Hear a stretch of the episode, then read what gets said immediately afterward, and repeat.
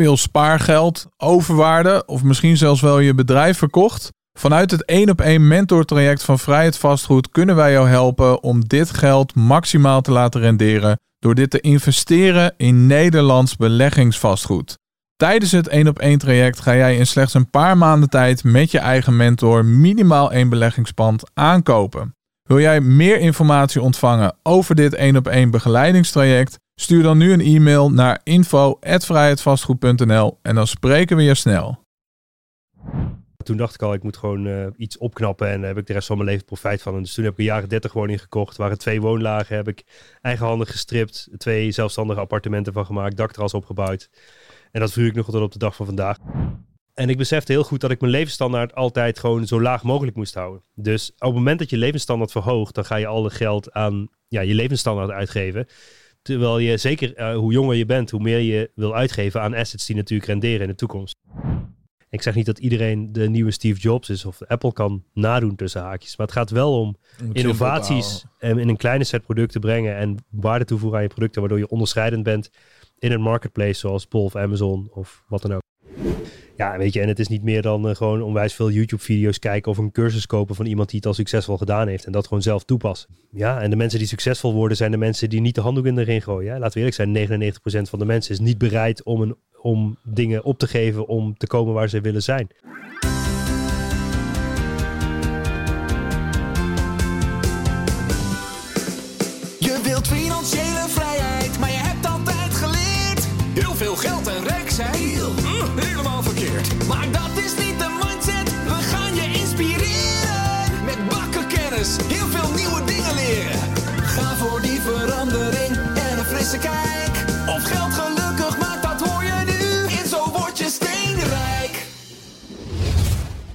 Ja, welkom bij een gloednieuwe aflevering van Zo Word Je Steenrijk. En mijn gast van vandaag is de enige echte ondernemer op slippers. Hij doet zijn naam ook eer aan. Hij zit hier ook echt op het bankje met slippers. Hij is eh, een van de oprichters en mede-eigenaren van het bedrijf Dwarfs, auteur. Ehm, heeft een fantastische cursus over Amazon. Stond zelfs al in de quote en heeft meer dan 14 miljoen aan verkopen via e-commerce gedaan. Ik heb het natuurlijk over Bas Eurlings. Yes man, Welkom. zeker. Leuk om je hier eh, nou ja, bij mij op het bankje in eh, de studio Ja. eh, te hebben. Leuk man. Vorige keer zaten we in mijn studio. Vorige keer zaten we bij jou, is alweer een tijdje, een tijdje geleden. Maar nou ja, in jouw gelijkname podcast, ondernemer op, op slippers. Ja. Je staat nu even op een laag pitje, gaf jezelf aan met, met jouw podcast. Ja, ja, ik heb net zes weken vakantie achter de rug. En ehm, ja, ik voelde het even niet om het door te publiceren. En het was ook niet echt nodig tussen haakjes. En ben vooral eh, heel erg rustig aan het doen. En eh, ik was zes weken weg geweest en daarna had ik nog steeds een lege agenda. Dus dat beviel me eigenlijk wel. Ja, kan ik me voorstellen. Ja, weet je, dat zijn dingen waarvan ik denk van ja, dat is eigenlijk hoe wat de meeste ondernemers natuurlijk eh, graag willen. Zes weken weg, lekker op reis. een, een, eh, een lege agenda, gewoon lekker doen wat je... hè, je zegt van, dat was even niet nodig. Ja. Ja, is toch heerlijk moet dat zijn als je op een punt gekomen bent dat je zo kan, kan ondernemen. Ja, absoluut. Weet je, en ik heb ook geleerd om gewoon wat minder streng te zijn voor mezelf. eh gaandeweg. Weet je, voorheen dacht ik altijd alleen maar doorpakken, doorbeunen op welk punt je ook staat. En ehm, ja, dan, dan ge- genoot ik toch altijd minder van mijn eigen successen. En ging ik altijd maar door. En ja, nu heb ik gewoon zo'n fase dat ik gewoon eigenlijk overal van aan het genieten ben. Heel relaxed ben. En eh, ja, dat doet mij wel goed. Maar dat is wel echt iets wat je hebt moeten, moeten leren. Ja, absoluut. Dat gaat niet vanzelf. Ehm, ja, het stomme is dat je zeg maar voordat je, nou ja, laten we zeggen, succes boekt, whatever that means. Voor iedereen is de definitie van succes anders. Ja, wat, wat is jouw definitie? Nou, mijn definitie van succes was als ik niet meer nodig ben of was in de business en de business doordraait. Dat was mijn definitie van succes. Want dan had ik mijn vrijheid behaald en zou de business doordraaien. Ja, Eh, wat uiteindelijk natuurlijk wel gelukt is. Maar ja, voor iedereen is die definitie anders, weet je. En voordat je, nou ja, dus succesvol bent, wat mijn definitie is, is als ik niet zou werken, maar wel de business draait. ja. Dus je Ehm, hebt wel het bedrijf en de voordelen daarvan en de cashflow die eruit Ja, komt, exact. maar niet de, de nadelen dat jij geleefd wordt door je, Exact. door je bedrijf. ja, het, het, het hoogst haalbare uiteindelijk achter ik, zeg maar, als je gewoon genoeg geld hebt, niet na hoeft te denken voor, met wat je uitgeeft en een vrij leven hebt. En ja, alles daarboven of daarbij of whatever is eigenlijk een soort van onzin Want ja, dan maak je 100 miljoen en wat ga je dan doen? Eh, ga je een vliegtuig kopen, een boot, een helikopter of whatever. Al, alle dingen die niet echt nodig zijn in het leven, zeg maar. Nee. Ondanks dat dat natuurlijk heel tof is. Ehm, maar goed, eh, ja, ik, ik, ben ook niet echt een materialistisch iemand of zo. Ik zeg altijd, materialisme is niks. En ik zit voornamelijk op de avonturen en het eh avonturen bleef met familie en vrienden eigenlijk. Ja, maar hoeveel kan je op een gegeven moment uitgeven? En je zegt van, nou, zo meteen na de opname ga ik, eh, ga ik skydiven, Ja. super tof. Ja. Of je kan op vakantie gaan, maar ja, hoeveel geld kan je uitgeven tijdens een vakantie? Op een gegeven moment, ja, je kan het natuurlijk zo gek maken als je zelf wil, maar Absoluut. Volgens mij eh, ben jij niet iemand van de, de vijf sterren hotels per se, of. Nee, hoeft niet per se. Al zijn we nu wel eh, de vorige reis, zo zijn we zes weken weg geweest, zijn we in een vijf sterren hotel beland op de terugweg. Maar dat was niet on purpose. Nee. Eh, het is wel een grappig verhaal, want we hadden dus, eh, ik had, ik had, we hebben dus 7.500 kilometer gereden, helemaal in de Algarve, drie kinderen en de hond achterin. En de week eh daarnaartoe hadden we niks geboekt en de week terug hadden we niks geboekt. Het is gewoon rijden en als de kinderen vervelend zijn, stoppen we ergens. ja. Maar op de terugweg was er al een uitdaging om iets te vinden. En zeker als je een hond bij je hebt, dan valt ongeveer 80% van de verblijven vallen af. En we, we hadden iets geboekt en daar hebben we, hadden we ook nog voor omgereden. Kwamen eraan om 7 uur, half acht 's avonds of zo. En toen zei die gast met droge ogen, ja, we zijn overboekt, je kan hier helemaal niet slapen.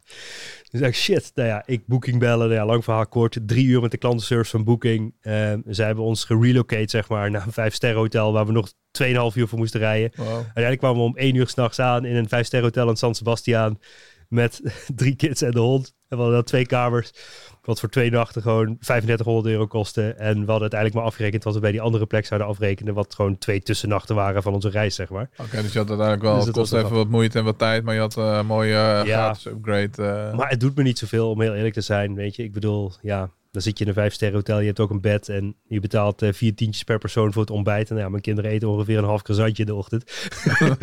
nou ja, dat soort dingen, weet je. Ja. Ik bedoel, ja, het, eh, maar het kan- is wel lekker dat het, dat het kan. Tuurlijk, toch? En absoluut. soms vind ik ook leuk om dat contrast te hebben tussen hele grote luxe en eh, daarna ga je weer de dag daarna op de camping Ja. of in een tentje ergens staan. Zeker. Hey, ben jij steenrijk voor je gevoel? Ja, ik, ik- ik ben, bedoel, ik denk dat ik, ik bedoel, ik ben emotioneel en, en, en mentaal of zo ben ik vooral heel rijk. En ik denk dat dat het, het ook het meeste waard is. Want ja, ik, ik bedoel, ik ken genoeg hele rijke mensen die echt, ja, echt een klote leven hebben, zeg maar. Dus het rijkdom dat je financieel rijk bent, wil helemaal niet zeggen dat je ook een gelukkig persoon bent. En ik Nee. denk dat je beter een gelukkig persoon kan zijn met heel weinig geld dan andersom. En eh, dat is ook een hele reis die je doormaakt. En, en tuurlijk heb ik mijn zakelijke successen gehad en mijn bedrijf verkocht en alle bedrijven gestart en heel veel geld verdiend. Ehm, maar ja, toch is dat, eh, ja, at the end of the day is dat minder belangrijk geworden. En is het, is het ook minder belangrijk omdat het uiteindelijk om het leven draait. Als je alles in perspectief met de dood zet, zeg maar, ja, dan, ja, dan heb je niet zoveel te doen hier, zeg maar. Nee, nee, klopt. Buiten dan gewoon gelukkig zijn en gewoon veel leuke dingen doen. Dus, dus jouw definitie van, van rijk zijn is ook een, een, een balans van tussen aan de ene kant de financiële kant, maar ook eh, nou ja, gewoon de, de echte eh, mentale vrijheid, te genieten van het leven, gelukkig zijn. Absoluut. Alleen ja, goed, ik noemde net even wat bedragen in de intro hè, over de omzetten die je gegenereerd hebt via Am- eh, Amazon. Het is inmiddels meer dan 54 miljoen trouwens. Dus ik doe een klein 54. Oh, dan Ja, goed, moet jij toch dwars- even je, je LinkedIn even updaten. Ja, klopt, klopt. Dat zijn nog oude Ja. getallen, joh. Maar eh, ik bedoel... Oké, dus dat scheelt even 40 miljoen. Ja, dat is de dwarfs, die komt erbij. Oh ja, ja. Ja, ja. Dus 54 miljoen aan eh, omzet gegenereerd via platformen zoals, eh, zoals Amazon. ja. Ehm, je hebt in de quote gestaan, ook al stond er nog geen nummer bij, eh, zei je, maar dat komt misschien nog. Ja. Als zen, dat was een artikel over zenfluencers, hè, geloof ik. Nou, dat was de cover van die quote. Maar Ja. het ging over eh, mensen die met sabbatical waren gegaan. Ehm, en ik heb natuurlijk twee jaar lang rond de wereld gereisd... terwijl mijn e-commerce business doordraaide. Ja, En daar werd ik voor geïnterviewd door de quote. En eh, daar is echt een leuk artikel uitgekomen. Dus eh, ja super tof. zie je mij in de Filipijnen in zo'n hutje zitten... met mijn laptopje open, mijn werk doen. Echt Tussen een digital nomad. Ja. Ja. Is, er, is er nog wel een, een doel van je om in de quote te komen met, met wel een nummertje erbij? Nee, nee, is niet mijn doel. Absoluut niet. Nee. Sterker nog, al zou ik 100 miljoen hebben, dan sta ik er liever niet in. nou ja, dat geldt voor veel rijken Ja. natuurlijk. Hè? Die eh, bereid zijn Ja. om flink ervoor te betalen om er niet in te komen. Ja, dat geloof ik ook wel, ja. Dus, ik weet eh, ook niet wat het, eh, wat het je nou brengt. Ja, maar het is echt een Ja, ego dingetje. Tenzij Ja. je Peter Gillis eh, heet, dan... eh, ja. Ja, dat, eh, het maakt mij niet zoveel uit. ja. Bezit je ook eh, wat eh, vastgoed trouwens? Wel een paar eh, panden, toch? Of Nou, ik, heb de, ik had redelijk vroeg door dat ik, dat ik het vastgoed in moest tussen haakjes. En ik denk dat ik rond uh, 2021 was of zo. Ik woonde in het centrum van Utrecht. En uh, ja, toen dacht ik al, ik moet gewoon uh, iets opknappen. En daar heb ik de rest van mijn leven profijt van. En dus toen heb ik een jaren 30 woning gekocht. Er waren twee woonlagen. Heb ik eigenhandig gestript. Twee zelfstandige appartementen van gemaakt. Dakterras opgebouwd. En dat vuur ik nog tot op de dag van vandaag. Dus dat is gewoon nog steeds leuke cashflows. Ja. En dit is alweer, whatever, 14, 15 jaar geleden of zo. Dus Langer zelfs, 16. Ja in je, in je studententijd al uh, het spelletje al, uh, al, al door. Ja, en, en toch is dat wel interessant om ook dat erbij te stellen. Ik had zeg maar. Um, je, je moet je eigen levensstandaard zo laag mogelijk houden. Totdat je, de, totdat je echt zeg maar, de stap kan maken dat het niet meer zo is. Zeg maar. Dus toen ik die jaren 30 woning kocht, uh, kocht die kostte volgens mij rond 165.000 euro toen dat tijd. Dat was in 2008 trouwens. Was echt de top van de markt. Zetten we even tussen haakjes, ja. want het daarnaast alleen maar omhoog gaat. Maar. Um, en ik besefte heel goed dat ik mijn levensstandaard altijd gewoon zo laag mogelijk moest houden. Dus op het moment dat je levensstandaard verhoogt, dan ga je al het geld aan ja, je levensstandaard uitgeven. Terwijl je zeker uh, hoe jonger je bent, hoe meer je wil uitgeven aan assets die natuurlijk renderen in de toekomst. Dat hoef ik jou natuurlijk niet uit te leggen. Maar dat is wel iets. Dus ik woonde zelf uh, in een appartement en ik verhuurde dat andere appartement eronder wat ik als eerste had opgeknapt. Uh, waardoor ik natuurlijk zelf gratis zou wonen. Waardoor je je geld wat je verdient weer aan andere dingen kan investeren of beleggen of whatever.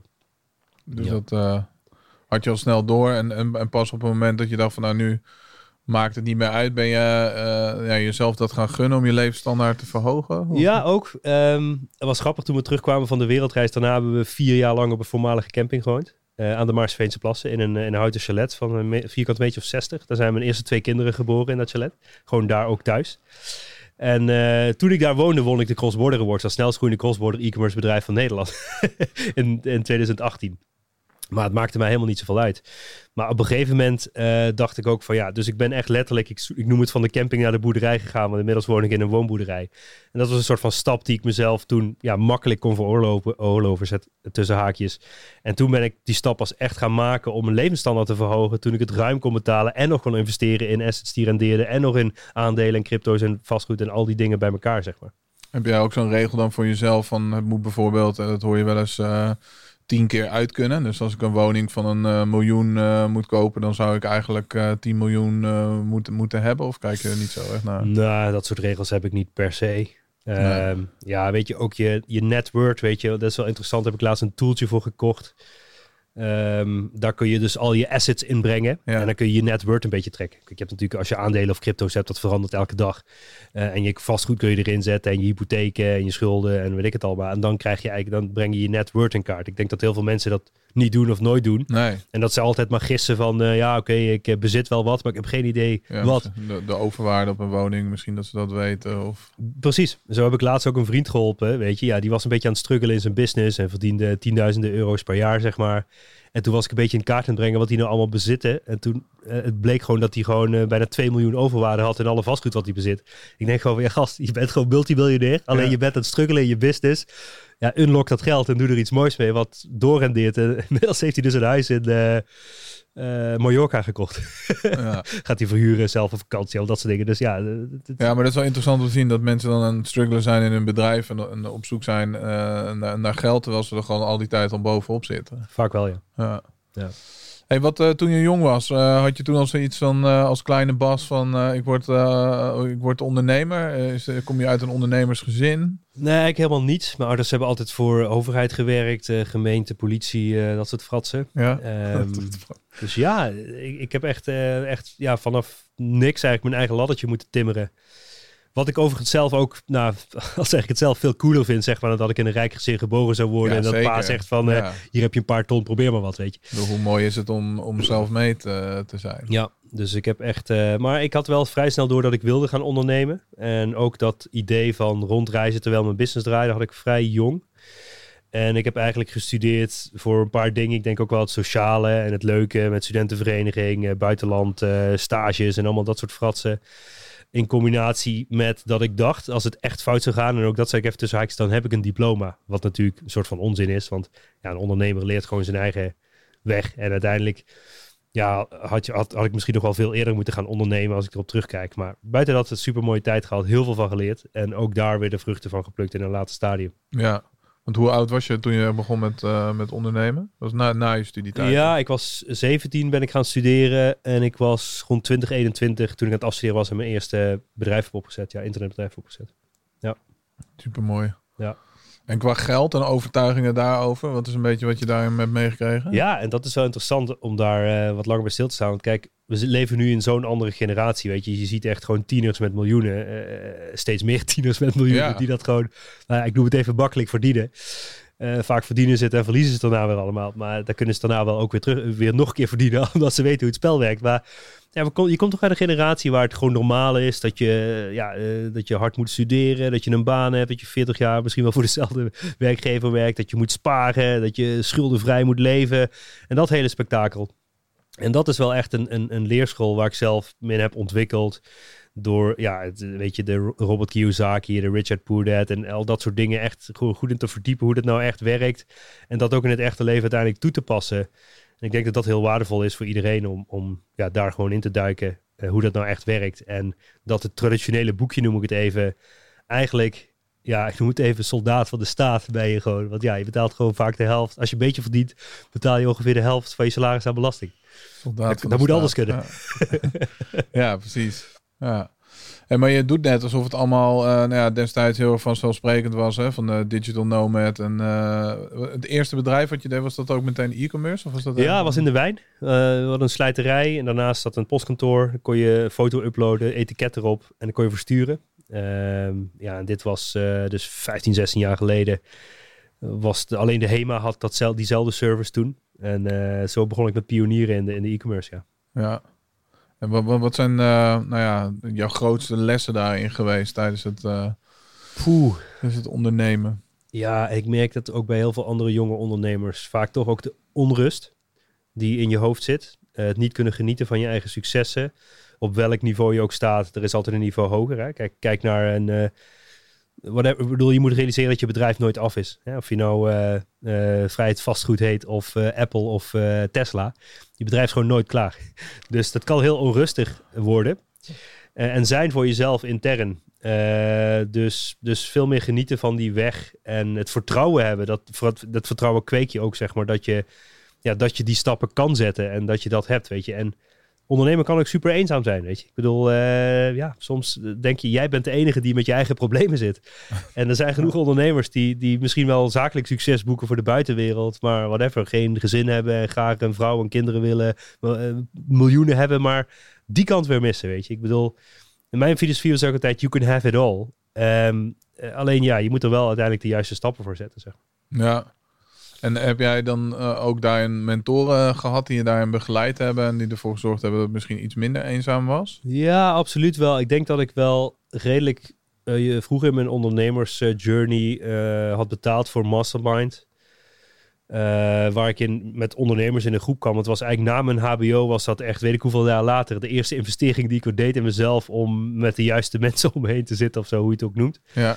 En die groep, ja, die, die, al die mensen die daarin zitten, die, daar heb ik nog steeds super veel contact mee, komen nog steeds regelmatig mee samen. De meeste zijn allemaal miljonair geworden en allemaal succesvol, wat ook niet vanzelfsprekend is. Nee. Dus ja, dus en daar hebben we heel veel steun in gehad. En eh, daar zit ook bijvoorbeeld een Albert Sonneveld in, die ja, burn-out psycholoog is. Weet je, ook Sonneveld opleidingen.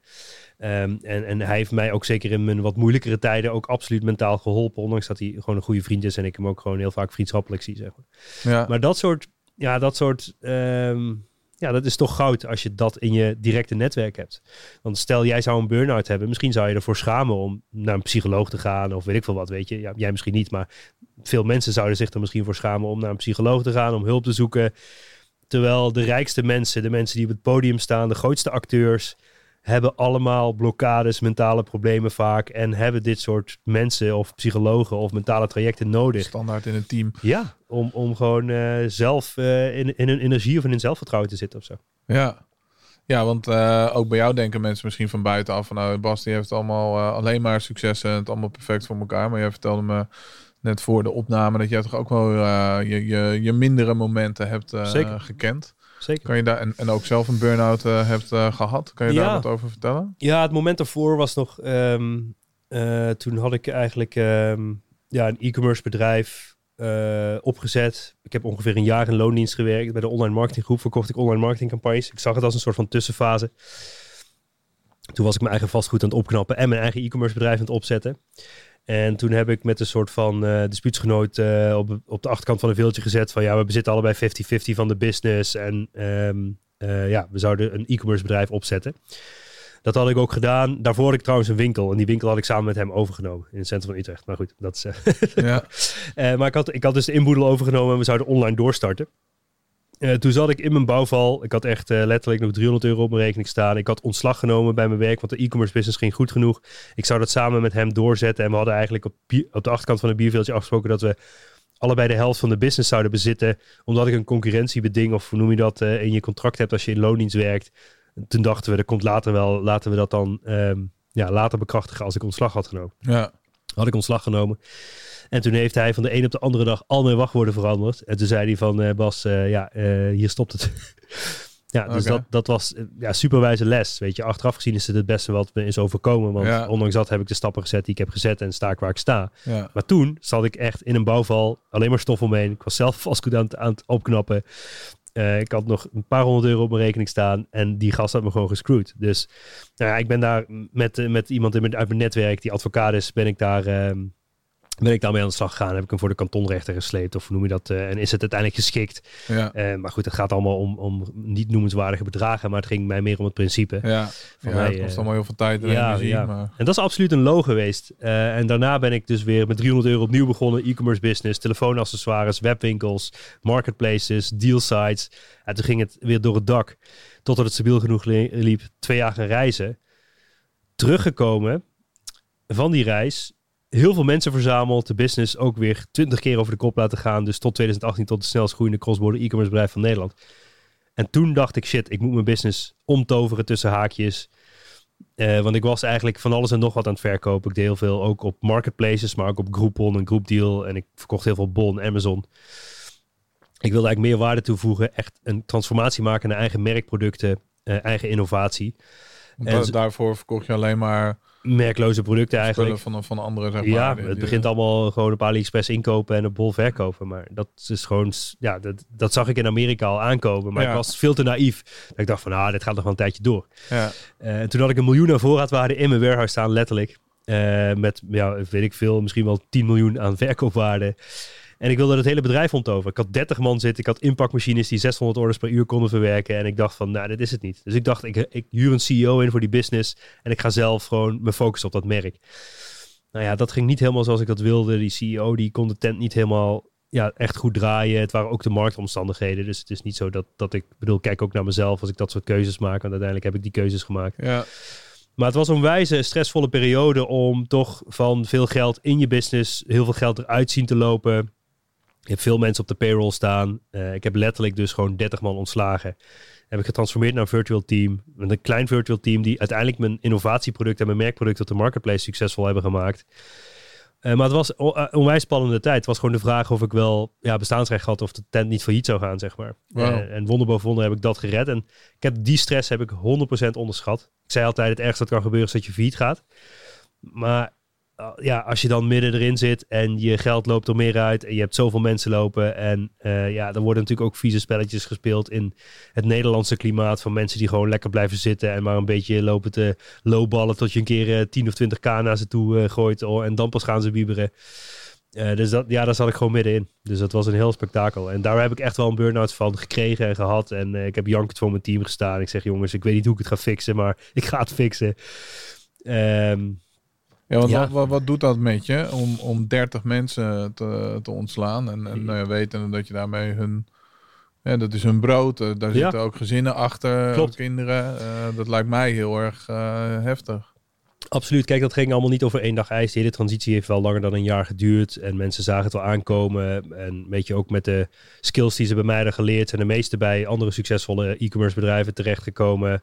Uh, merken, zelfs mensen nu werken ook nog voor Dwarfs, waar ik ook in zit, uh, die bij mij daarvoor hadden gewerkt. Dus uh, ja, dus dat, dat daar, ja, ik denk dat het een hele goede leerschool was, zeg maar, voor wat ik ze heb gegeven. En dat ze daarna in vleugeltjes en andere bedrijven uitsloegen, prima. Ehm, dus ja, en, en, en ik En moest hebben zelfs zij daarmee denk je ook eh, veel van hun een, soortgelijke ervaring gehad wat jij eh, eerst die, eh, nou ja, dat je opgelicht was door die compagnon van je en, en een pijn ervaart en dat zij daardoor ook sommigen daardoor ook weer zijn ge- getriggerd en hebben kunnen, kunnen door, eh, doorgroeien. Eh, zijn er ook eh, mooie succesverhalen bij die 30 man? Ja, absoluut. Er zijn echt eh, van die 30 man zijn er absoluut eh, ja, mensen die goed terecht zijn gekomen bij grotere e-commerce bedrijven of kleine e-commerce die daar ook nu goede functies hebben, zeg maar. Dus die leerschool is heel belangrijk. Maar goed, kijk, weet je, ik bedoel, die 30 man die kregen gewoon elke maand een salaris. En dat was mijn plicht. Eh, ik, je bent de baas en jij voelt alleen maar de druk om het geld te verdienen. Want het maakt hun geen donder uit, want ze verdienen elke maand hetzelfde. Eh, Ja. en, en daarom ben ik zo enthousiast over virtuele teams, over mensen alleen maar betalen als ze werk leveren. Daarna ging ik alles virtueel doen. Maakte ik processen. Eh, deed iemand de klantenservice. Ja, die drukte, op, eh, die drukte op play als ze starten. De tijd werd gemeten. Automatic payrolling systeem erachter. Als ze klaar was met de klantenservice, drukte ze op stop. En als ze naar de wc ging, betaalde ik dat niet. Als ze het koffieapparaat zat, betaalde ik niet. Laten we eerlijk zijn, over 40, 50 procent van de tijd zijn je mensen zeker niet productief. En Nee. daar betaalt papa wel voor. en, en daarna werd het business dus zoveel efficiënter. Dat ik zoveel meer winst maakte. Dat ik mezelf veel vrijer voelde. Omdat ik zelf de druk ervaarde. Dat als ik op kantoor was, dat ik vond dat ik ook niet voor half zes de deur uit kon lopen. Terwijl dat natuurlijk de grootste onzin is. Weet je, ik bedoel, je bent gewoon een, een vrij iemand. Ja. Nee, als het moeilijk gaat in een business, is dat natuurlijk niet, ja, is dat, is dat niet aan te raden om er nooit te zijn.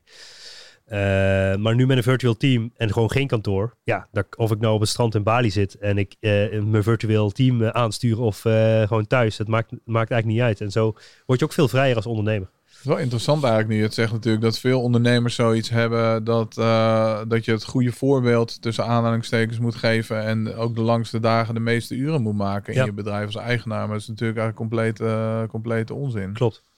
Ik denk sterker nog dat iedereen in het bedrijf, de, de, de werknemers er veel meer aan hebben als jij als eigenaar, eh, nou ja, eh, eh, creativiteit, nieuwe ideeën, nieuwe concepten kan verzinnen of goed uitgerust bent, niet in een Ja. burn-out belandt.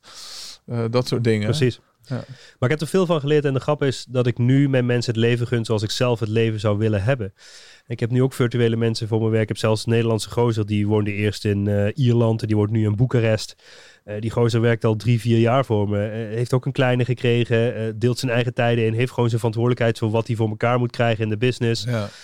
Ja, weet je. en heeft een vrij leven. Hij gaat 's ochtends met zijn kleine spelen. S middags doet hij wat werk. Na het avondeten doet hij nog wat werk als die kleine slaapt. Weet je, I don't care. Als hij maar, maar gebeurt. ja, uiteindelijk draait het om verantwoordelijkheden en niet uren, zeg maar. Dus ja, dat, dat is uiteindelijk wel. Het maakt een groot verschil voor mensen die voor je werken. Ja, dus, dus, dus dat ondernemen op slippers, dat is dan jouw ideale levensstijl. En ik las op, op je LinkedIn ook eh, dat jij dat inderdaad ook eh, aan, eh, voor, voor andere mensen gunt. Dus dat geldt zowel voor de mensen die voor jou werken als jouw cursisten of de mensen die jij wat, wat leert. Absoluut. Ja. Ja, dat bedoel, er zijn genoeg voorbeelden van mensen die uiteindelijk ja, de stap naar Bali hebben kunnen maken om vanaf daar een business te runnen of naar Portugal of whatever voor een vrijheid ze hebben gecreëerd door het opzetten van een e-commerce business. Nou, dat hoeft niet eens per se, weet je. Ik bedoel, bedenk een model of het nou affiliate marketing is, vastgoed, eh, e-commerce, ehm, YouTube-video's creëren en daar even geld mee verdienen. Dat is eigenlijk om het even, zeg maar. ja. Eh, Zeker in deze tijd is e-commerce niet het makkelijkste model om mee te starten. Nee, dat zei je inderdaad. Want wat, heb je daarin zien veranderen dan eh, in, die, eh, in die markt? En hoe, hoe staat, het er nu, eh, staat het er nu voor? Ja, En- laten we misschien eens beginnen met wat valt er allemaal onder e-commerce? Want dat hoor je natuurlijk heel vaak, ja, e-commerce, e-commerce. Maar wa- wa- wa- wat, wat, wat scharen we daar allemaal onder voor de mensen die er misschien wat minder in, eh, in thuis zijn? Ja, kijk, platgeslagen is natuurlijk het verkopen van producten. Ehm, en vaak, ik bedoel, ik pretendeer vaak dat ik innovaties en eigen merken, dus echt, ja, dat pretendeer ik zeg maar, dat dat de enige manier is om waarde toe te voegen. Dus een eigen merkproduct, innovatie te doen aan een product, om waarde toe te voegen aan je producten. E-commerce is at the end of the day gewoon het in- en verkopen van producten. Of dat nou je eigen merkproducten zijn of andere producten. Ja, dat is een Ja. beetje platgeslagen de handel, zeg maar. Maar- dozen schrijven. Online. Ja, online, Dat is online. uiteraard wel een Ja, ja, ja, dus dus geen, geen fysieke... Ja, Ja, exact. Dus het i-stuk is inderdaad dat het online is. ja, eh, en niet in een fysieke winkel. ja. Eh, maar dat kan dan via platformen zoals eh Bol, Ja. Amazon, nou, noem het allemaal op. Of je eigen, je eigen webshop. Ja.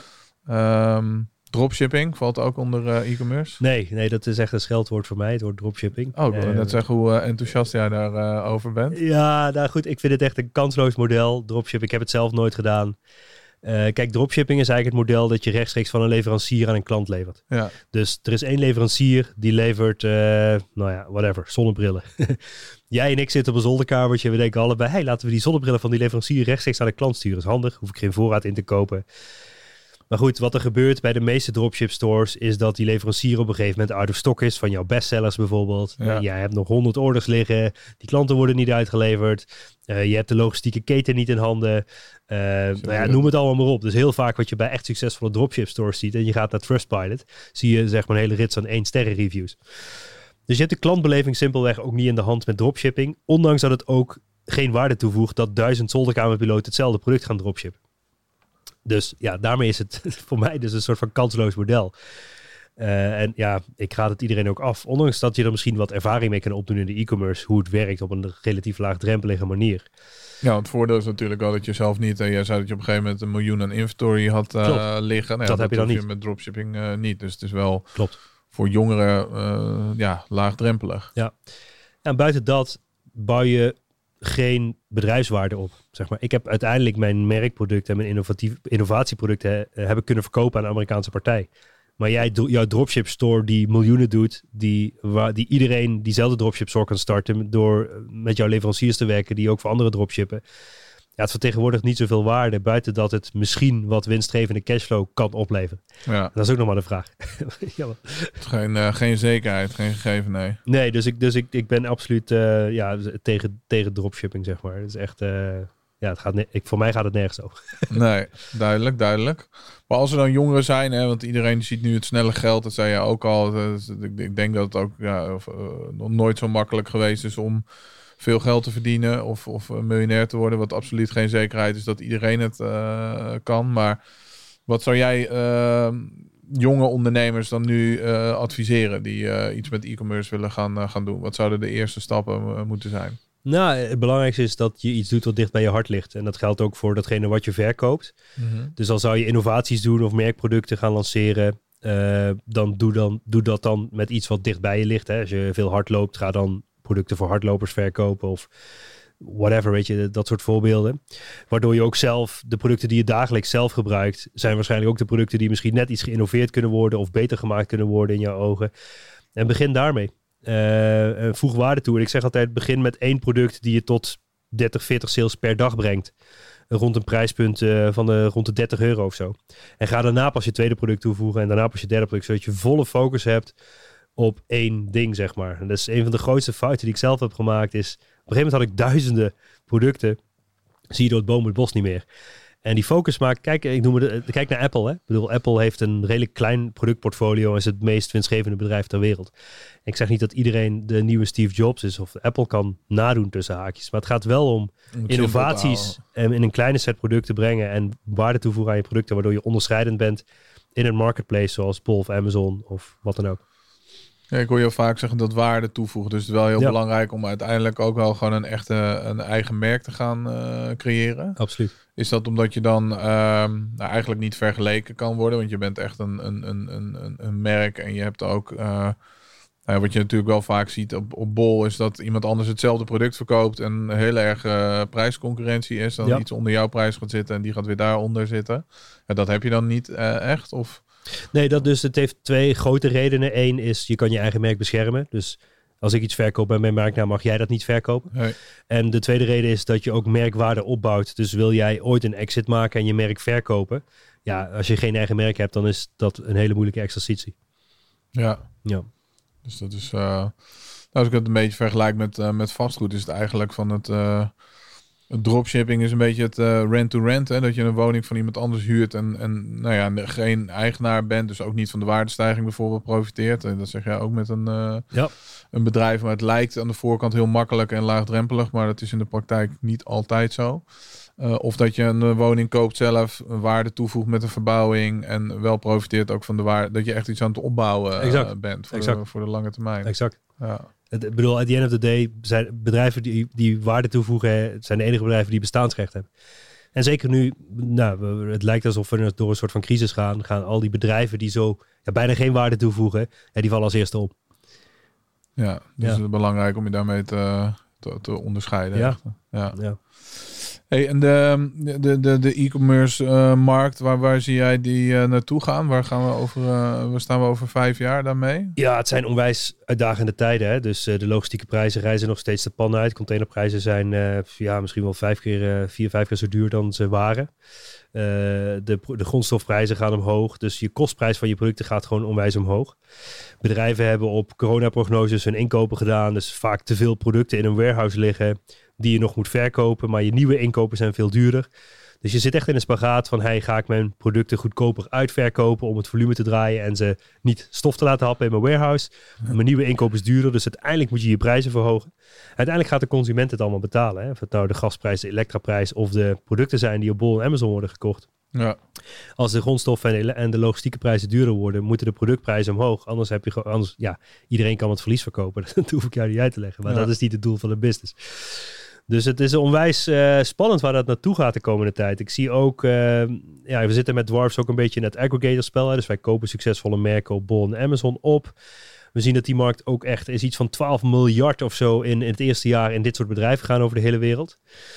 Misschien nog wel meer. Eh, en we zien daar ook dat het stof daar indaalt. Ze hebben het moeilijk. Er zitten vaak met financierders erbij. die ook bepaalde eisen stellen natuurlijk aan de performance van de business.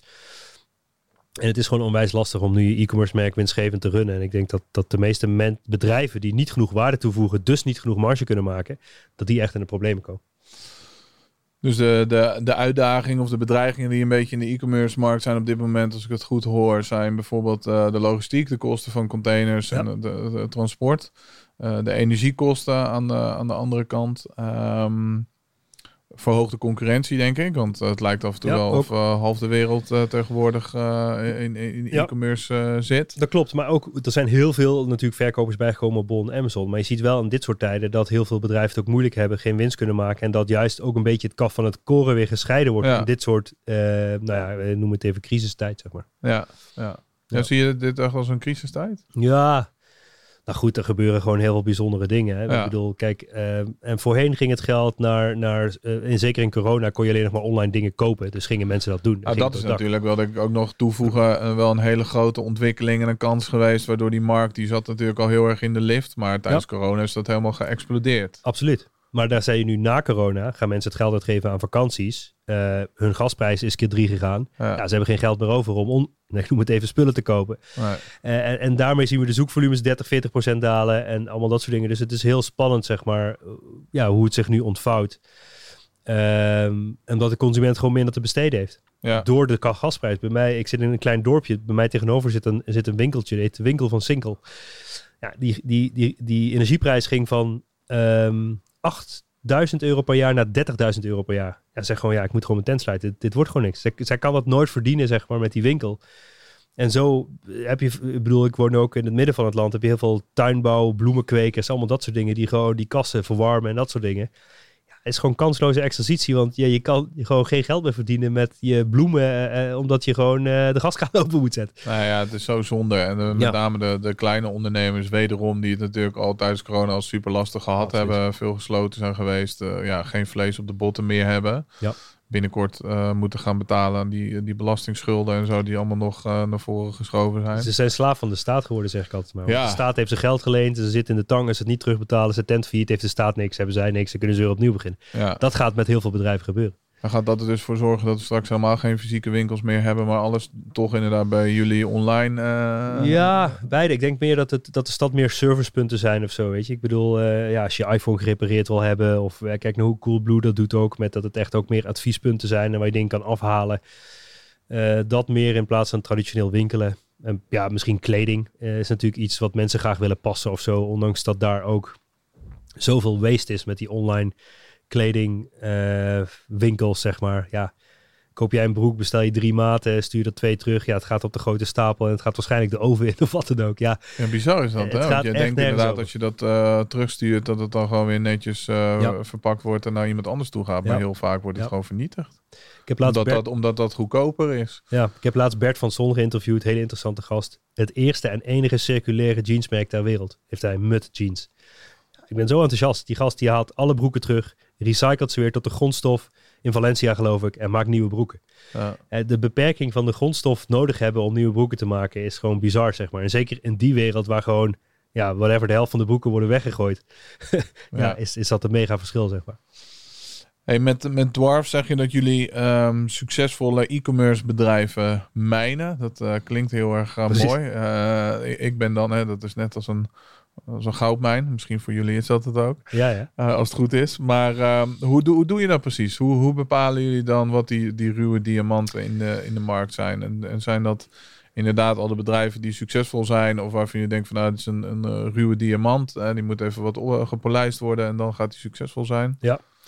Nou, de meest interessante targets eh, zijn de targets die zelf producten hebben geïnnoveerd.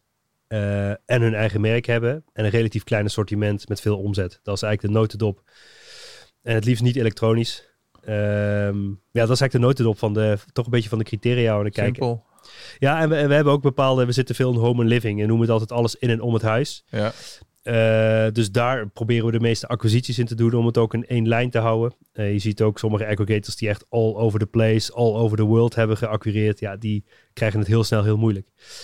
Dus eh, het waarde toevoegen is heel belangrijk. Gezonde marges eh, moeten ze hebben. Ehm, ja, gewoon innovatieve producten van het eigen merken die gewoon eh, het goed doen op de marketplaces.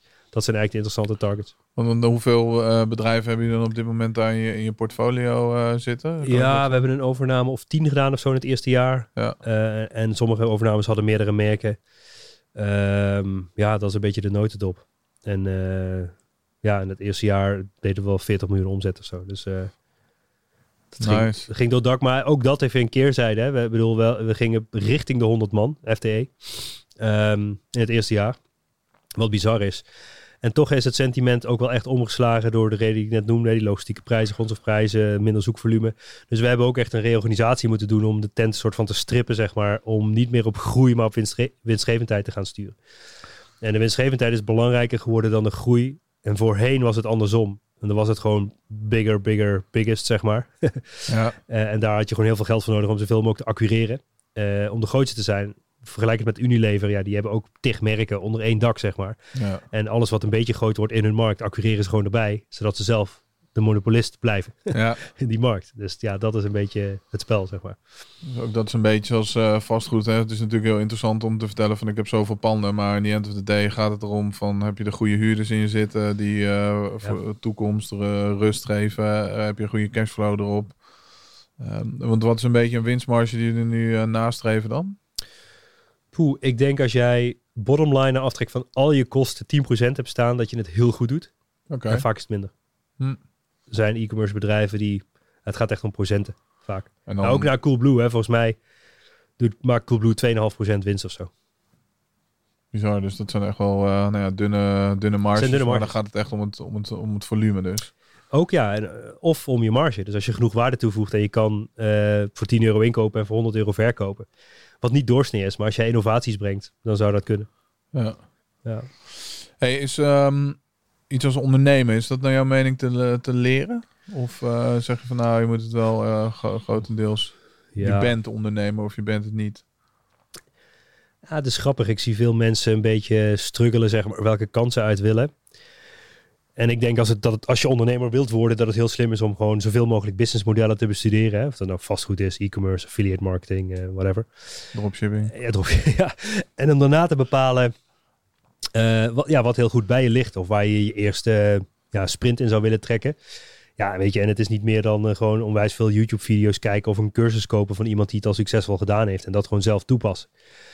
Ehm, ja, en de mensen die succesvol worden zijn de mensen die niet de handdoek in de ring gooien. Hè? Laten we eerlijk zijn, 99% van de mensen is niet bereid om, een, om dingen op te geven om te komen waar ze willen zijn.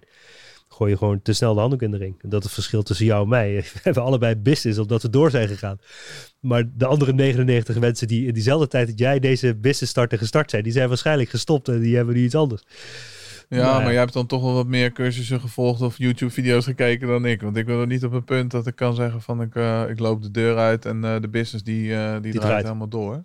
Ja. Dus daarin heb ik nog wel wat eh, te leren en, eh, en te groeien. En als ik die omzetten van jou hoor, daar zitten we ook nog net niet, eh, net niet aan. Nee, maar dat is ook een bewuste keuze. Hè? Ik bedoel, als je, ik had bewust gekozen om daar naartoe te werken, om vrijheid, zelf vrijheid te krijgen. En, en dat ook afhankelijk van het businessmodel wat je kiest, is dat makkelijker of minder makkelijk, zeg maar, om dat te doen. Ja, dat, dat is een fase waar ik nu in zit. En een interessante constatering is dat ik mezelf financieel vrijgespeeld had in privé. Nou, dat ziet wat heel veel mensen niet lukt. Dus dat was heel nice. Alleen wel dat ik op een gegeven moment voor mezelf uh, zakelijk gezien een soort van machine had gecreëerd die me door en doorging. En waar ik nou ja, wel uh, soms het gevoel heb een beetje in vast te zitten. En nu uh, me toch wel weer eruit, uh, eruit wil halen. Ja, dan ben je eigenlijk een beetje, zeg maar, een soort van je eigen monster aan het creëren. Zeg Juist, maar. ja. En op een gegeven moment ben jij het hart van de monster. Ja, ja. en dat is wat je niet wilt. Zeg. Nee, dat is zeker wat je niet wil. Ja, maar, ja. maar dat zijn ook weer fases en dingen die je gewoon moet, moet, uh, moet ervaren. Absoluut. Hè, dat je uh, een privé een red race had, maar zakelijk gezien is die red race soms nog veel groter. Ik bedoel, we hebben nog geen uh, 30 man op de, op de payroll of 100 FTE, wat jij zei. Maar ja. Oh, ja je hebt een aardige kosten elke maand. Zeker. Het moet wel weer eerst even verdiend uh, worden. Ja, het liefst zou je dat zo lean mogelijk gewoon met een klein virtual team een grote impact maken. Dat is een beetje waar ik, op het spoor waar ik nu op zit, zeg maar. Ja.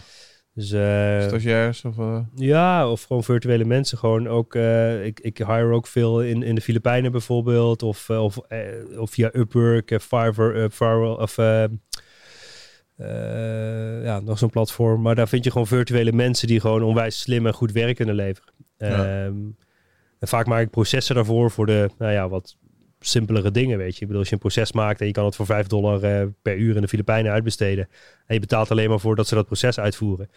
Ja, je kan zoveel processen in je business bedenken. En als je die eenmaal uit hebt besteed, dat je zoveel vrijheid oplevert. Ja. En zo wil je uiteindelijk je business draaien. Ja, tof. Hey, wat zijn dan bij uh, de ondernemer de, de grootste fouten die jij uh, gemaakt ziet? Behalve bijvoorbeeld dat soort processen niet uitschrijven uh, en uitbesteden? Of? Nou, op een gegeven moment ben ik me er heel erg bewust van geworden dat alles goede en slechte dingen die ontstaan, dat dat het resultaat is van je eigen keuzes. Hè? Dus ook wat je net zelf zegt, je zit in een business en dan op een gegeven moment heb je ja, een soort van monster gecreëerd waar je zelf het hart van bent. Maar het komt door de eigen keuze die je hebt gemaakt. Zeker, en, ja. en dus of het nou goed of slecht gaat in je business, is het resultaat van je keuzes. dus van tevoren heel goed nadenken hoe jouw ideale leven eruit ziet. Um, en wat jouw de business jou moet brengen. Want veel mensen denken, oh, business, lekker vrijheid. Maar vaak is het tegenovergestelde de uitkomst. uh, is een business heel weinig vrijheid, want gewoon heel veel werken om de business te draaien. Uh, dus ja, daar, daar kun je heel bewust keuzes in maken in, in ja, wat je wel doet, wat je niet doet. Hoe dat je je team uh, neerzet. Of je überhaupt een vaste locatie hebt op een kantoor en allemaal dat soort dingen. Ja. Ik noem altijd, uh, dat is ook wel het bezitten van zo weinig mogelijk of van eigenlijk niks. Dat, daar zit heel veel vrijheid in. Alles wat jij bezit heeft gewoon bandbreedte nodig uit je hoofd. Of het nou vastgoed is, je eigen huis, een auto, heeft allemaal bandbreedte nodig. En als je dus zo weinig mogelijk bezit, of misschien wel niks, daar zit de absolute vrijheid in. Omdat je zo ja, echt in het moment kan zitten en eigenlijk geen bandbreedte aan je bezittingen hoeft te spenderen. Dus dan kom je bij een stukje minimalisme zeg maar uh, uit en het uh, ontspullen of... Uh... Ja, weet je, kijk, het is natuurlijk heel niet praktisch als je helemaal niks bezit. Dus dat is, in de praktijk is het wel handig om misschien iets te bezitten. Maar daar zit het hem wel ergens in, ja, in gewoon een vrij leven hebben zonder met zo min, met zo min mogelijk bezit. Mogelijk ballast. Ik was laatst bij een vriend van mij, Mitchell van Duren, die woont op Gran Canaria. Ja. En uh, hij woont met vier families op een stuk land, wat van hem is, een 7 hectare groot. En hij doet ook via Workaway komen vaak mensen bij hem om het land werken. Ja, er was een Franse jongen, die had letterlijk alleen een telefoon. En voor de rest had hij niks. En die reisde ook de wereld rond, zeg maar. Um, en hij vond overal wel via Workaway vond hij weer werk waar hij gewoon kon logeren voor kosten en inwoning. En bij hem was hij aan het klussen.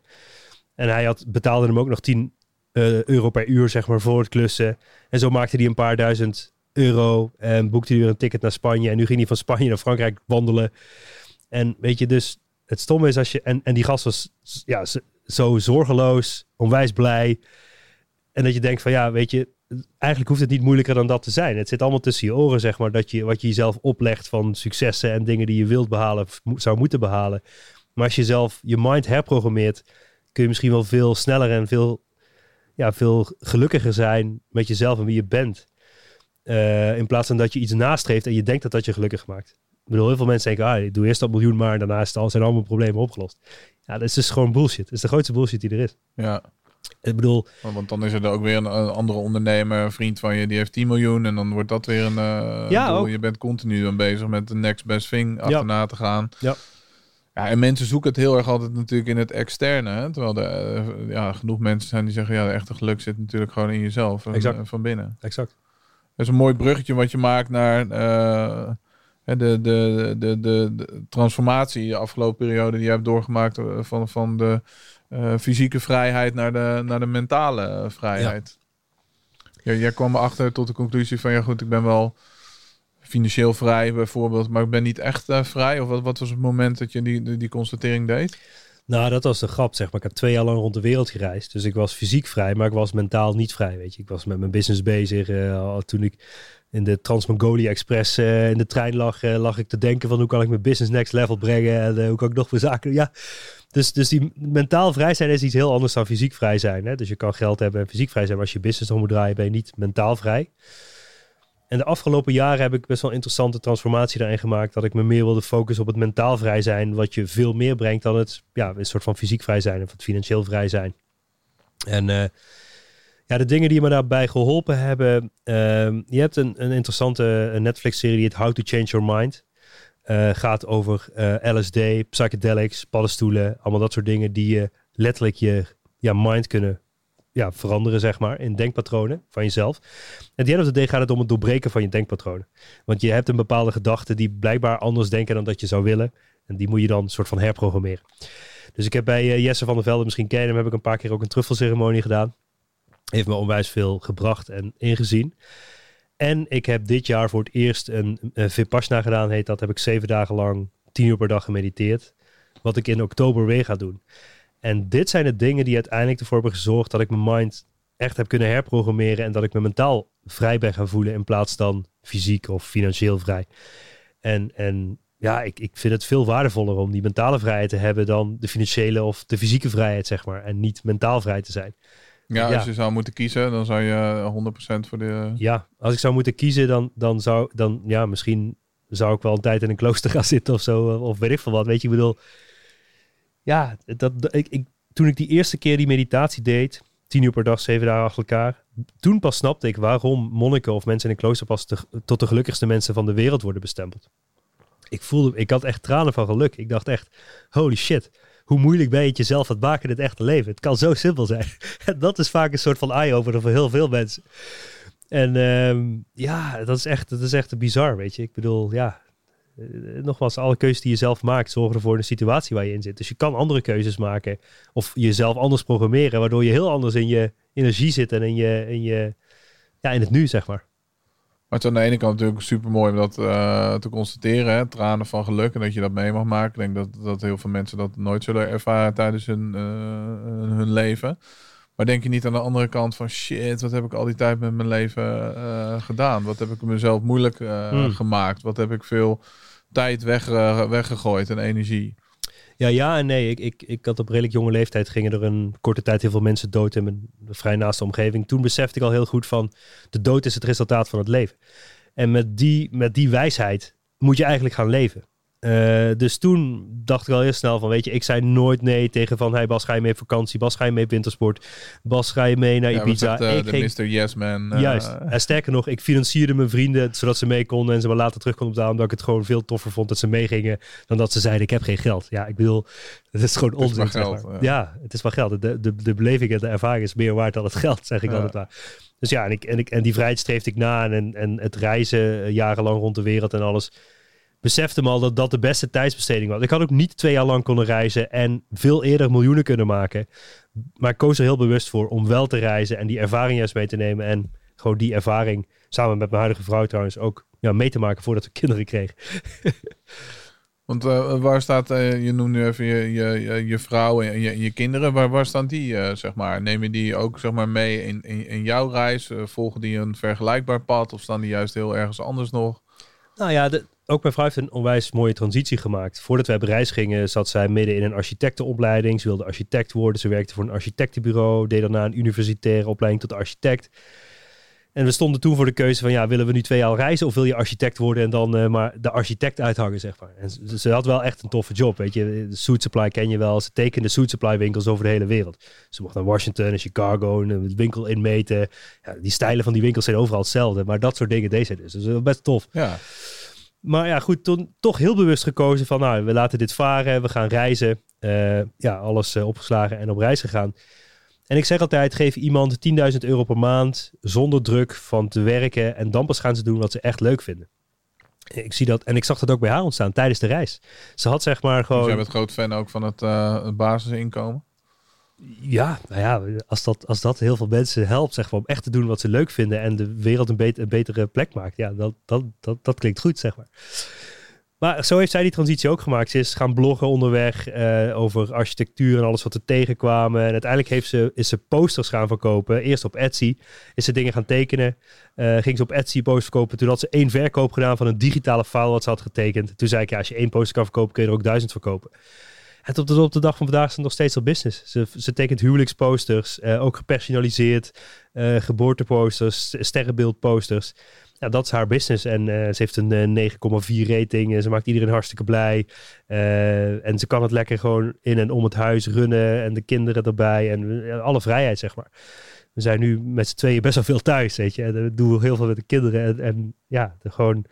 Ja, dat, eh, en dat is eigenlijk Maar gewoon... dat is eh, toch het, eh, ja, het leven. Ja, Het vrije leven. Ja. Dat je gewoon tijd hebt voor jezelf en voor je kinderen. En daarnaast ook nog een, een business. Maar eigenlijk eentje die zichzelf zelf redelijk bedrijft. precies.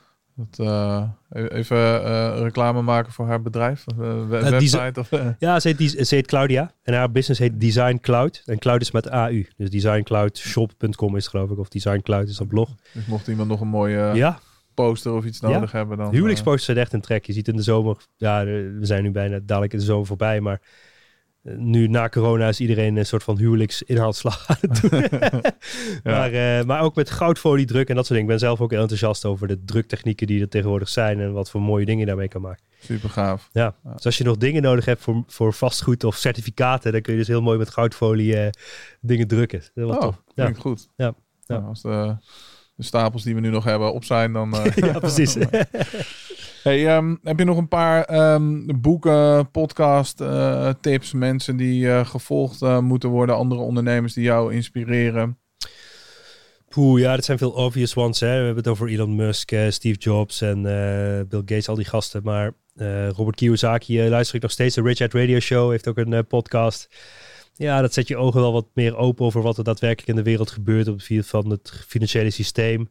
En volgens mij interview binnenkort eh, Willem Middelkoop is natuurlijk ook zo'n figuur die echt snapt wat er in de economie gebeurt. Ja, En eigenlijk is dat mijn grootste tip. Hè? Dus snap hoe de regels zijn en werken en gebruik ze daarna in je voordeel. De meeste mensen stoppen niet de tijd en energie erin om de regels te bestuderen, waardoor ze de rest van hun leven maar 50% belasting blijven betalen. Dus dat kan anders, weet je. Dus stop, ik bedoel, ja, ik hoef jou niet uit te leggen hoe box 3 werkt en dat hele spektakel, maar als dat, dat snap je pas als je snapt wat er mogelijk is en wat de regels zijn. Als je de regels niet snapt en volg dan de mensen die je daarmee kunnen helpen. En, Ja. en luister de podcast eh, zoals die van jou of, of Richard Radio Show of dat soort eh, eh, bedrijven die gewoon je uitleggen wat de regels zijn en hoe je minder belasting kan betalen en jezelf eigenlijk meer vrijheid kan geven. Ja, is dat eh, een van de oorzaken, denk jij, dat, dat veel mensen nou, in een wat minder goede financiële positie zitten, dat ze gewoon geen zin erin hebben om zich er een klein beetje in, in te verdiepen of denken dat ze het niet snappen? Of... Ja, hoe jonger je zelf financieel educatie echt doet en snapt, hoe beter is dat voor de rest van je leven. Weet je, ik bedoel, ik zat met een goede vriend van mij, die is cardioloog. Daarmee zat ik op de basisschool. Weet je, we deden altijd een wedstrijdje, eh, wiskunde, wie het snelste kon rekenen, allemaal dat soort dingen. Hij is gewoon al, weet ik veel, bijna 30 jaar aan het studeren. En, en is zit nu volgens mij in zijn laatste fase dat hij echt cardioloog wordt. En dan ben je dus cardioloog. En het voorbeeld van een cardioloog en een ondernemer is dat een cardioloog dus de rest van zijn leven één, heel veel uren moet maken, hard moet werken om 50, 60 procent belasting te betalen. Ja. En een ondernemer pakt dat gewoon op een andere manier aan. Of je nou in het vastgoed zit, of een ondernemer, of dat je gaat beleggen, of whatever. Weet je, ik bedoel, er zijn gewoon andere manieren waardoor je jezelf meer vrijheid gunt en kan geven zonder daar ja, voor te werken, tussen haakjes. Natuurlijk, alles heeft werk nodig. Elke beginfase is moeilijk. Eh, het gaat niet vanzelf. Je moet bereid zijn om er offers voor te brengen, om er te komen. Ja, en maar als je waar een wil is, een weg. Dus als, ja, als je het wil, dan kan je er komen, zeg maar. Ja. Ja, niet iedereen is helaas eh, bereid om die offers, eh, offers te brengen. En ik, ik zie ook veel mensen die dan wel de regels bestuderen, maar dat vervolgens niet implementeren. Dat is helemaal jammer natuurlijk, Absoluut. want dan weet je wel dat het kan of hoe Ja. anderen het doen. Maar, eh, en, en heb je een offer, want daar heb je tijd in gestoken om dat boek te lezen of om deze podcast of een andere podcast te luisteren. Uh, maar dan moet je eigenlijk nog even één stapje, stapje verder gaan Juist. natuurlijk, door er ook even wat mee te doen. Ja, en ik denk dat, dat dat ook een rol van ons beiden is. Om, en wat jij ook doet, om mensen te inspireren om echt in fucking actie te komen. Weet je, ik bedoel, als je het leven hetzelfde laat zoals het is en je bent er niet blij mee, gaat het niet veranderen. Eh, eh, kom in fucking actie, man. Doe iets en eh, kies iets waar je je neus in stopt, waar je tijd en energie in stopt, waar je een sprong in het diepe waagt. Het ergste wat kan gebeuren is dat het niet lukt en dat je weer opnieuw in die baan zit waar je nu in zit. dat is het ergste wat kan gebeuren. Ja, maar mensen zien het altijd heel erg zwart-wit, weet je wel. Ja. Van, ja, of je wordt miljonair of je bent dakloos. Of, Ja, eh, weet je je kan altijd nog terug, bijvoorbeeld als jij eh, de droom hebt om ondernemer te worden en je vindt het spannend. Ja, oké, zorg dat je een beetje een buffer hebt en dat je misschien eerst nog een paar dagen in loondienst werkt en dan eh, die transitie een beetje maakt. Maar aan de andere kant ook, weet je wel, ja, eh, misschien verbrandt die schepen achter je, ga gewoon all in. En eh, wat is het ergste wat kan gebeuren? Ja, dat het niet lukt en Exact. dat je weer eh, een andere baan gaat zoeken. Nou, Exact. weet je, in deze tijd lijkt me niet heel moeilijk om een nieuwe werkgever Nee. te vinden. Nee, en ik heb er echt wel goede tips voor. Ik denk als je nu een business wil starten en je wilt veel tijd daarin investeren, terwijl je nu misschien geld verdient en dat geld voor een groot deel aan je huur en je belasting betaalt, terwijl je bijna nooit thuis bent omdat je veel werkt en veel belasting betaalt, wat een feit is. Ik zeg altijd, als ik nu niks zou hebben en ik zou opnieuw moeten beginnen, dan zou ik naar een land gaan waar de levensstandaard heel laag is. Weet je, ik bedoel, als je op Bali woont, je- je zou theoretisch daar letterlijk voor 300, 400 euro gewoon echt een mooi leven in de zon kunnen hebben Ja, en je business kunnen bouwen. Of als je in Nederland wordt, je wilt niet weg. Weet je, kijk of je in een tiny house of op een camping kan wonen. Weet je, en ben ook niet bang om voor je buitenwereld, zeg maar. Je werkt niet voor je buitenwereld, je bent je buitenwereld niet. Veel mensen maken keuzes omdat ze dan denken, ja, wat zullen anderen er wel van denken? Holy shit, gewoon dikke vinger opzetten en je eigen pad volgen. En dat is waar veel mensen echt moeite mee hebben. Ja, dat vind ik zo mooi in jou. En daar heb ik zoveel respect voor jou. Dat je het gewoon echt helemaal op je eigen eh, terms, eh, zeg maar, doet. Ja. En, en niet de, de, de standaard of wat er waarvan je denkt dat er verwacht wordt van andere Ja. mensen. Weet je, je zit hier ook gewoon lekker nou ja, met je slippers, je korte broek. Precies. En gewoon je eigen, je eigen pad volgen. Ja. En eh, dat zou fijn zijn als meer mensen dat zouden durven. Dus gewoon een kwestie van durven en, en doen natuurlijk. Ah, je hebt zo'n eh, speech op YouTube van Stanford University, volgens mij, waar Steve Jobs op een gegeven moment een, eh, een, eh, een speech doet. Die kun je op YouTube opzoeken. Ehm, ik weet niet of hij dat in die speech zegt trouwens, of in een andere video, maar hij zegt: Everything you call life is made up by people that were no smarter than you. Dus alles wat iedereen het leven noemt, is bedacht door andere mensen die niet veel slimmer zijn dan jezelf. Ja. Hè, ik bedoel, alle regels zijn bedacht, het financiële systeem is bedacht, alle, dat, dat we van 9 tot 5 moeten werken is bedacht, dat we op kantoor zouden moeten werken is bedacht. Als je dat allemaal overboord gooit en je hebt een blank canvas voor je en je gaat dan nadenken van, hé, hey, wacht even, hoe wil ik nou eigenlijk dat de wereld eruit ziet en wat wil ik eigenlijk? En je gaat daarmee puzzelen en je hebt de moed en het lef om dat te doen, dan eh, ga je je mooiste leven leven. Tof. nou ja, dat lijkt me heel mooi om eh, daarmee eh, langzaamaan af, af te gaan sluiten. Maar ehm, waar we het nog niet over eh, gehad hebben, is dat ehm, eh, jij ook een nou, fantastische e-commerce cursus hebt. Hmm. Eh, de e-commerce marketplace heet die, geloof ik. Ja, e-commerce marketplace mastery heet die. E-commerce mastery marketplace. E-commerce marketplace mastery. Ja. Een hele mond vol, hè? Ja, precies. Daar ben ik dan altijd minder fan van, van die Engelse termen om iets heel eh, Ja. fancy eh, te laten lijken. Maar Snap ik. Het eh, gebeurt, gebeurt veel. Maar ehm, eh, waarin je andere mensen dus eh, leert eigenlijk om op diverse manieren, behalve dropshipping, eh, geld te verdienen met e-commerce, right? Klopt. Ja, nee, dus nadat ik in 2018 snelst groeiende crossborder e-commerce bedrijf van Nederland was, ben ik andere mensen gaan helpen. Platform is eruit voortgekomen. Ehm, en daar zitten inmiddels meer dan 32.000 mensen in de community. Is echt bizar wat voor activiteit daar plaatsvindt. Wat voor successen er worden geboekt. En ja, ik ben er echt wel trots op wat daar nu staat. Eh, en er zitten duizenden video's in die mensen op weg helpen in de e-commerce. En als mensen vragen stellen, krijgen ze vaak van andere mensen in de community al antwoord. Ja, het is heel tof. Ja. Ja. En eh, nou ja, goed, ongetwijfeld heel veel mensen die nu eh, aan het luisteren zijn en misschien al langer daarover nadenken om met, eh, met e-commerce te starten. Dus dit zou een hele mooie manier daarvoor kunnen zijn. Absoluut. Maar het is nog mooier, want eh, Ja. het valt onder de, de stapregeling. dus het is mogelijk om Ja. deze eh, cursus met subsidie van de overheid, elke Nederlander voor degene die het niet weet, ehm, heeft een, eh, een stapbudget, mag één keer per jaar daar aanspraak op doen en een, een cursus, een training volgen tot 1000, eh 1000 euro. Ehm, ja, Ja. Nee, voorheen was mijn, dit pakket wat ik nu verkoop, kostte normaal 2000 euro. Ehm, en totdat de subsidie kwam, dacht ik van ja, weet je, ik wil eigenlijk dat het voor een breder publiek aanspreekbaar is. Eh, waardoor we zelf 1000 euro korting geven. Dat zet ik even tussen haakjes. En 1000 euro een stapbudget. Waardoor je het hele programma kan volgen. Met verkopen op Bol, verkopen op Amazon. Je krijgt er zelfs één op één coaching bij. Eh, nou ja, het is een heel spektakel wat we, waar we nu al heel veel mensen mee geholpen hebben. Ehm, Ja, ik geloof dat jij nu al op het moment van opnemen tot eh, nou, de, de grootste eh, cursus in Nederland eh, behoort. Ik was de meest succesvolle cursus de vorige ronde. Ja, de vorige ronde 1250 eh, deelnemers. Ja. Dan hoor ik misschien ook mensen denken van nou Bas, is dat nou helemaal oké om een dergelijke cursus die bedoeld is om de kans op de arbeidsmarkt eh, te vergroten, om, daar, eh, om dat aan, aan te bieden? Hoe, eh, hoe kijk jij daar tegenaan? Ja, weet je, er zijn wat negatieve geluiden in de media ook over wat die stapsubsidie eh, nou precies doet. En mensen moeten snappen waar het vandaan is gekomen. Voorheen kon jij tussen de 1000 en misschien wel 4.000, 5.000 euro aftrekken van je inkomstenbelasting als je een opleiding deed. Ja. En die kon je aftrekken. Maar wat was het effect ervan? Is dat alleen maar mensen die het geld hebben om de opleiding te betalen, hem kunnen aftrekken. Nou, wat heb je dan? Dat alleen maar elite of mensen die het geld al hebben, Ja, dus de opleiding doen en het geld terugvragen. ja, Deze stapsubsidieregeling is met name ook veel vriendelijker voor, nou, ik noem het even de onderkant van de markt. Eh, mensen die, ja, eh, zeg maar, eh, niet hoger opgeleid zijn, die het geld niet eens hebben om een cursus te volgen. nee, Die kunnen nu stappen maken, die kunnen nu dit soort cursussen wel leren. ja, En ik snap dat dat ook, zeg maar, degene die het businessmodel hebben no- van voorheen, dat ze de elite helpten en daar heel veel inkomstenbelastingaftrek van kregen. Ja, die worden nu eh, een beetje minder, die worden eigenlijk een beetje boos tussen haakjes dat deze regeling er nu is. Want ze zien dat heel veel van het budget gaat naar juist de mensen waar het eigenlijk voor bedoeld is. En dat is meer de onderkant van de markt. En dat zet ik ook even tussen haakjes, weet je, met alle respect. Maar als je die opleidt en zorgt dat ze een transformatie kunnen maken, bijvoorbeeld als e-commerce expert of als vastgoedexpert, whatever. Wij leggen mensen dan uit hoe e-commerce werkt, waardoor ze bij e-commerce bedrijven kunnen gaan werken of misschien wel een eigen e-commerce business zouden kunnen opzetten. En dat is uiteindelijk waar het om gaat, om ehm, die arbeidspositie te verbeteren.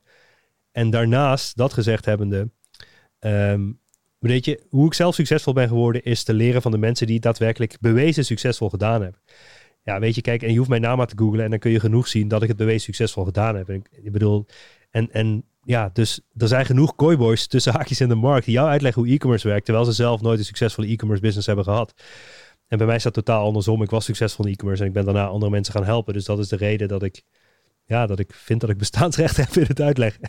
ja, zeker. Nee, dat, dat, dat lijkt mij ook. En ik denk dat inderdaad wat jij zegt, dat dat belangrijk is. En dat is ook de reden dat wij daar ook eh, toch voor gegaan zijn, is om het juist inderdaad mogelijk te maken voor mensen die het normaal gesproken eh, niet zouden kunnen betalen. Exact. En hun kansen op de arbeidsmarkt, maar ook gewoon in bredere zin zelfs, denk ik, in het leven nou ja, te verbeteren en te vergroten. Hè? Exact. Ik denk dat jouw en mijn missie eh, vooral ook is om eh, mensen onafhankelijk te maken, zodat je je passie kan volgen, zodat je je eigen weg kan, kan volgen. Ja. Nou, als dit daarbij iets is wat mensen kan helpen om de juiste kennis of een netwerk aan te, aan te reiken, dan is dat natuurlijk super mooi. Zeker. Dus eh, zo word je steenrijk.nl, schuine streep, ecom, E-C-O-M hadden we gezegd. Ja, Laat daar je naam en eh, je mail achter. Je krijgt sowieso ook een, eh, een e-book over e-commerce van, van jou. Welke het is, weten we nog niet. Je hebt er meerdere, ja, maar maak er maar drie e-books van. Joh. drie e-books. Joh, doe het gek. Ja. Drie e-books. En ehm, daar kan je dan, eh, krijg je een linkje met meer informatie hoe je je via de stapsubsidie kan aanmelden voor jou. Nog één keer de naam. E-commerce Marketplace Mastery programma. Mooie naam, hè? ja, precies die. Hoe je je daarvoor kan, eh, kan aanmelden. Ja, top man. Bas, dankjewel. Graag gedaan. Ik vond Top, het een jij leuk, bedankt. eh, leuk gesprek over nou ja, ondernemen, alles wat, wat jou bezighoudt.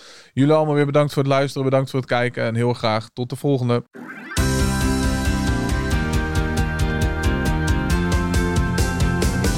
Dankjewel voor je tijd en je aanwezigheid. Superleuk dat jij bij deze podcast was. We hebben ook een website www.zowordjesteenrijk.nl. Daar kan je alle oude afleveringen terugvinden en terugluisteren. Je kan je abonneren op onze nieuwsbrief en daarmee krijg je heel erg veel waardevolle financiële tips. En we hebben heel erg veel speciale acties en kortingen met onze gasten. En welke Nederlander houdt er nou niet van korting? Vergeet natuurlijk niet om je te abonneren op deze podcast. En dan zien we je heel erg graag weer volgende week bij een nieuwe aflevering van Zo Word Je Steenrijk.